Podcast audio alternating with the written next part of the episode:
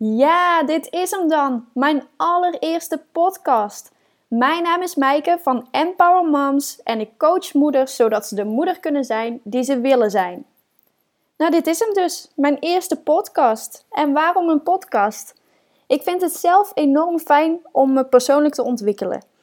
Maar sinds ik moeder ben, is mijn tijd vrij beperkt. En daarom gebruik ik bijvoorbeeld die momentjes tijdens het sporten of de was ophangen om naar een podcast te luisteren, zodat ik nieuwe dingen kan leren en ook andere meningen kan horen over bepaalde onderwerpen.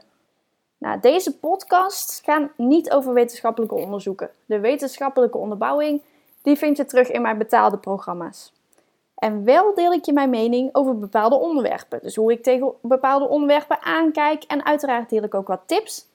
En sinds 3 januari 2019 ben ik zelf moeder van een dochter, dochter Evie en ik deel je mijn ervaring. In de komende podcasts ga ik bepaalde onderwerpen uitdiepen of interview ik moeders die het moederschap net op een iets andere manier aanpakken dan gebruikelijk is. Nou goed, deze podcast gaat over de grootste veranderingen als je moeder wordt. Want een van de grootste veranderingen die je in je leven kunt doormaken is die van moeder worden. Tot die tijd, voordat je moeder werd, stond jij zelf altijd op de eerste plaats. Maar met de komst van een kleintje is dat eigenlijk veranderd. Want je baby is nu het belangrijkste. Je zorgt in de eerste plaats voor je baby en daarna kun je toegeven aan je eigen behoeftes. Maar weet je wat het gekke is? Je kunt je wel voorbereiden op dat er een kindje geboren wordt, maar je kunt je eigenlijk niet echt voorbereiden op het moment dat je moeder wordt. Want moeder worden, dat is nogal een verandering. En voordat je een kind had, had je misschien allerlei ideeën over hoe je zou zijn als moeder, over hoe je het zou aanpakken. Je hebt misschien altijd gedacht dat jij de moeder zou zijn die vol rust tegen haar kinderen zou praten, die energiek de dag door zou komen en ook vertrouwen in zichzelf zou hebben, ook al zijn er heel veel andere moeders die het misschien op een iets andere manier zouden doen. Jij zou gewoon zonder twijfels en onzekerheden je eigen ding blijven doen. En je zou je niks aantrekken van wat anderen daarvan vinden. En je zou nog een heel druk sociaal leven erop nahouden. Ja, je moest ook nog twee keer in de week sporten. Je zou een superleuke partner zijn en uiteraard een enorm leuke moeder die er altijd goed uitziet. Oké, dat zijn je verwachtingen, maar hoe is het echt? Wat komt er allemaal op je af?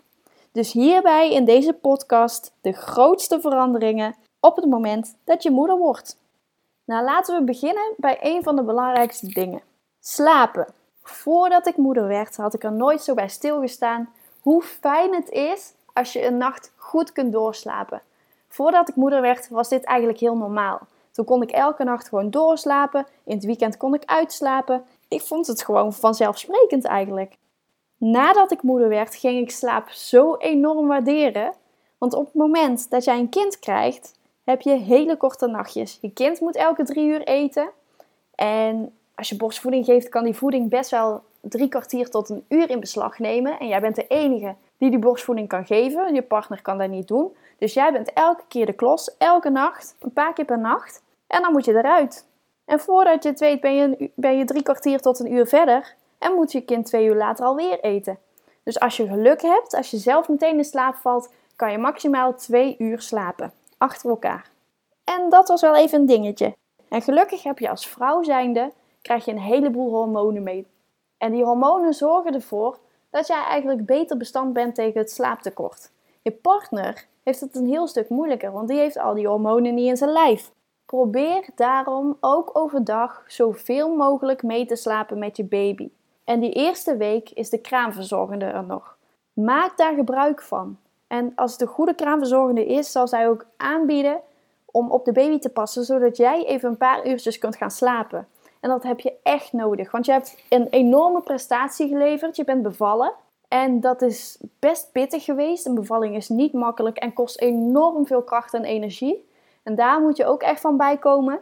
Dus gebruik die tijd om echt even goed te gaan slapen.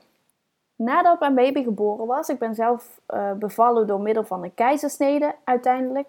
Ik heb wel een normale bevalling geprobeerd, maar op het allerlaatste moment werd het toch een keizersnede. Ik moest toen even een paar nachten in het ziekenhuis blijven. En uiteindelijk heeft een verpleegkundige voorgesteld om s'nachts even een paar uurtjes op Evie te passen. Zodat ik en mijn man even een paar uur konden slapen tussen de voedingen door. wanneer het dan weer tijd was voor een voeding, dan bracht ze even weer terug naar ons. En op het moment dat zij dat voorstelde, zei ik eigenlijk meteen: ja, dat doen we. En mijn man keek me echt aan van: huh, hoezo? En uh, waarom geef je onze baby mee? Maar op dat moment had ik zo'n behoefte aan slaap. En ik dacht ook echt van: ja, ik kan ook echt alleen maar een leukere moeder zijn. Als ik zelf ook voldoende uitgerust ben. En het was zo fijn om even een paar uurtjes te slapen. Volgens mij heb ik toen 2,5, bijna drie uur kunnen slapen. En dat voelde echt gewoon als een hele nacht. En dat was enorm fijn. En ik was enorm uitgerust toen ook. Dat was echt een enorm goed idee. Maar wat ik hier eigenlijk mee wil zeggen, maak gebruik van die momenten dat je kunt slapen. Want slaap is enorm belangrijk en wordt eigenlijk enorm onderschat. En je hebt slaap nodig om goed te kunnen functioneren. En je bent ook een leukere moeder als je goed slaapt, want dan kan je meer hebben. Uitslapen zit er eigenlijk nooit meer in. Bereid je daarop voor. Jouw kind bepaalt jouw ritme en bepaalt wanneer jullie wakker worden en wanneer jullie slapen. En dat is in het begin best even wennen. Goed, dat is de eerste grote verandering. Nou, de tweede grote verandering, je kunt niet meer zomaar spontaan weg. Je moet aan enorm veel dingen denken en je voorbereiden en dat is in het begin best wel even lastig. Je moet zorgen dat je kind gegeten heeft, dat je kind goed geslapen heeft, want anders wordt het vervelend.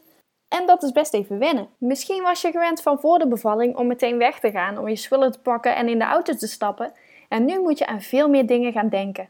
Het is ontzettend handig om een luiertas mee te nemen met daarin allerlei spulletjes voor je baby, zoals spuugdoekjes, slabbetjes, luiers, billendoekjes en reservekleding.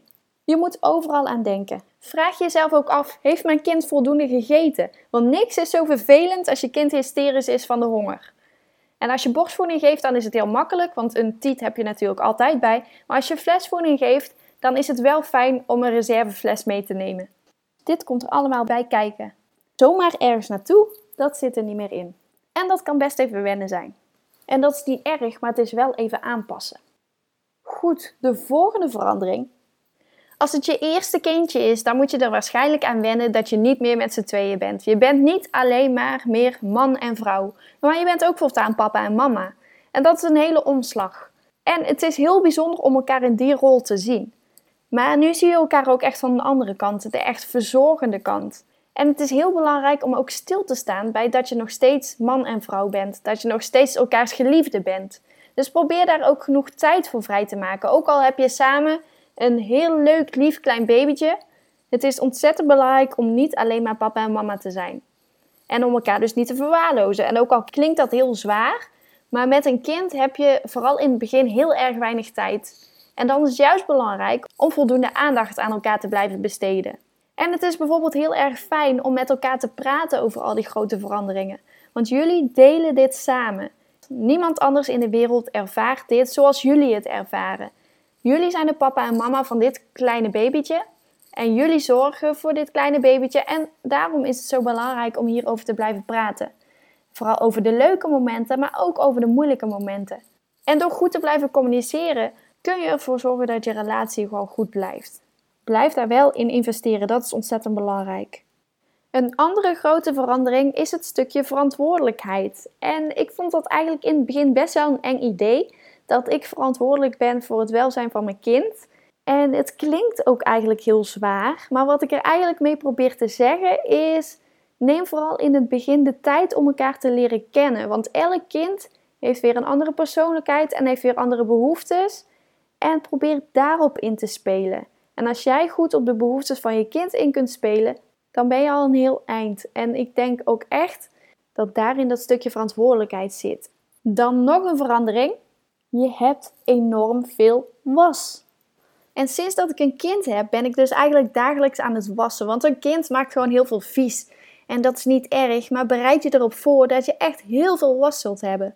Want misschien heb je het idee als je van vakantie terugkomt dat je een enorme berg was had. Nou, dit, als je een kind hebt, heb je dus altijd die enorme berg was. En dat is niet erg, maar bereid je erop voor. Goed, het volgende puntje, de tijd voor jezelf, is beperkt. En dit had ik eigenlijk van tevoren niet zo beseft. Ik, had natuurlijk, ik wist natuurlijk dat een kind best intensief zou zijn. Maar dat het zo intensief zou zijn, dat kun je alleen maar zelf ervaren. En ik denk dat je ook altijd een idee hebt van, ja, weet je, een kind, daar komt veel aandacht bij kijken en een groot deel van de dag ben je ermee bezig. Maar ik heb me eigenlijk nooit beseft dat daardoor de tijd voor mezelf zo in de knel zou komen. En nu we een paar maanden verder zijn, heb ik er eigenlijk wel een soort van balans in gevonden. Nu vind ik het woord balans een beetje gek. Want wat is balans dan? En voor iedereen is balans verschillend. Maar ik heb er een soort van, ik heb er een soort van ritme in gevonden. Waardoor ik elke dag toch bewust tijd maak voor mezelf. Want ik heb die momenten echt nodig. En ook al is het maar een half uurtje, een half uurtje een beetje lezen of een half uurtje tv kijken of wat dan ook. Op die momenten laat ik op. Of een half uurtje een kop thee drinken in de zon. Dat vind ik fijn. En die momenten, doordat je ze zo weinig hebt, ga je steeds meer waarderen. Ja, de tijd offer je eigenlijk gewoon op aan je kind. En vooral de eerste periode kan dat best heftig zijn. Want die eerste periode is je kleintje echt volledig afhankelijk van jou. Van het eten, van het slapen, van het knuffelen. Wil het liefst de hele dag bij jou liggen. Nu is dat op zich best wel lekker om te knuffelen met een baby. Maar een hele dag, kijk, je gaat ook denken van ja, maar ik moet dit nog doen. Ik moet eigenlijk nog boodschappen doen. Er moet ook nog gekookt worden. Misschien heb je ook nog andere kinderen rondlopen die ook wat aandacht vragen. En vind je het lastig om die tijd goed te kunnen verdelen. En daarom is het fijn om echt voor jezelf bepaalde momenten te blokken. Van deze momenten gebruik ik voor mezelf en andere momenten gebruik ik voor de baby. En na een bepaalde tijd, kijk, de eerste periode heb je natuurlijk vrij weinig ritme. Maar na een bepaalde tijd komt dat ritme wel en is het makkelijker om grenzen aan te geven. En dat is ook gelijk het volgende puntje. Geef je grenzen aan. En dat is makkelijker gezegd dan gedaan. Want misschien vind je het heel lastig om de mensen die dicht bij je staan te vragen om uh, jouw grenzen te respecteren. Maar doe dat ook echt. Wij hebben bijvoorbeeld een babyborrel gegeven, omdat wij in het begin niet uh, elke dag kraambezoek wilden. Vooral ook omdat ik zelf in het begin niet heel veel kon vanwege de keizersnede en dat herstel ook gewoon heel lang duurt. Dus wij hebben uiteindelijk na twee maanden een babyborrel gegeven waarop we iedereen uitnodigden die naar onze baby kon komen kijken. En in het begin hebben we dus ook gezegd, we nodigen alleen die directe familie uit direct na de geboorte. Want dat vinden wij gewoon heel fijn om gewoon lekker met het gezinnetje door te brengen. En als mensen het daar niet mee eens zijn, want die heb je altijd, mensen die gewoon langs willen komen of die zich dan uh, buitengesloten voelen. Dit mag jij bepalen. Als jij je niet prettig voelt bij zoveel kraambezoek of het kraambezoek blijft te lang zitten naar jouw idee, geef het bijvoorbeeld van tevoren aan bij je kraamverzorgende. Dan kan zij de mensen op een nette manier wegsturen als jij het zelf heel lastig vindt. Maar wij hebben dus een babyborrel gegeven en we hebben toen duidelijk gezegd: we houden de babyborrel tussen 1 uur en 3 uur. Want daarna moet Evie weer slapen en eten en dat is gewoon niet fijn als er dan mensen zijn. Toen hebben we bijvoorbeeld iemand gehad die kwam om kwart voor drie aanzetten. Terwijl de babyborrel tot drie uur zou duren. Ja, weet je, dat, is prima, maar dan kan je maar een kwartier blijven. En dat kunnen sommige mensen heel streng vinden, of die kunnen het er niet mee eens zijn. Maar wij geven heel duidelijk aan van tevoren: de babyborrel is van 1 tot 3 uur. Op dat tijdstip ben je welkom. En als mensen zich er daar niet aan houden of later komen, dat is helemaal prima. Dat moet je zelf weten. Maar hou er dan rekening mee dat je gewoon niet zo lang kunt blijven. Want wij stellen het belang van onze baby voorop en die moet daarna gewoon eten en slapen. Ik kan me voorstellen dat jij er heel anders over denkt en dat is allemaal prima. Ik vind het sowieso, mensen moeten zelf bepalen wat ze willen. Jij bent de moeder van jouw kind en jij weet wat het beste is voor jouw kind. En heel veel mensen kunnen daar een mening over hebben. En het is juist de kunst om daar niet te veel mee te doen, want jij bepaalt wat goed is voor jouw kind. En ook al druist dat in tegen de norm, of vinden heel veel mensen dat streng, of vinden ze het raar, nou laat ze het maar raar vinden. Het gaat om jou en om jouw kind, om jouw gezin. En jij bepaalt het. Mensen kunnen altijd kritiek hebben. Je kunt niet iedereen tevreden stellen. Als je jezelf maar tevreden stelt, dat is het allerbelangrijkste. De allergrootste verandering is nog wel de liefde die je voelt voor je kind. Je kunt het nergens mee vergelijken, maar de liefde die je voelt voor je kind is gewoon zo enorm groot. Die heb ik nog nooit gevoeld en kan ik ook niet echt heel goed uitleggen.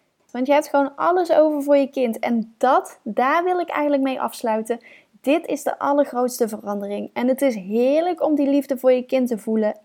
En om te zien hoeveel liefde jouw kind voor jou uitstraalt. Want jij bent gewoon het allerbelangrijkste in het leven van je kind. En ik vind het zo mooi om te zien hoe Evie dan bijvoorbeeld naar mij kijkt. en mij nodig heeft. En dat is gewoon het meest bijzondere aan het krijgen van een kind. En dat is de allergrootste verandering. En ook heerlijk knuffelen de hele dag. En dat ze zo blij is als ze mij ziet, weet je. Daar word je gewoon ontzettend vrolijk van. En ook al heb je een hele zware nacht gehad met weinig slaap. Die liefde voor je kind, op het moment dat ze dan lacht bijvoorbeeld. Dan is alles weer goed en dan ben je alles vergeten. Nou goed, hiermee wil ik afsluiten. Nou, dit was dus mijn eerste podcast. Ik ben heel erg benieuwd wat jullie ervan vonden. Laat het me ook vooral weten. Wil je meer weten over mij en over mijn werkwijze? Ga dan naar empowermoms.nl en empower met de letter M. En dan hoop ik dat jullie de volgende keer weer luisteren. Tot dan!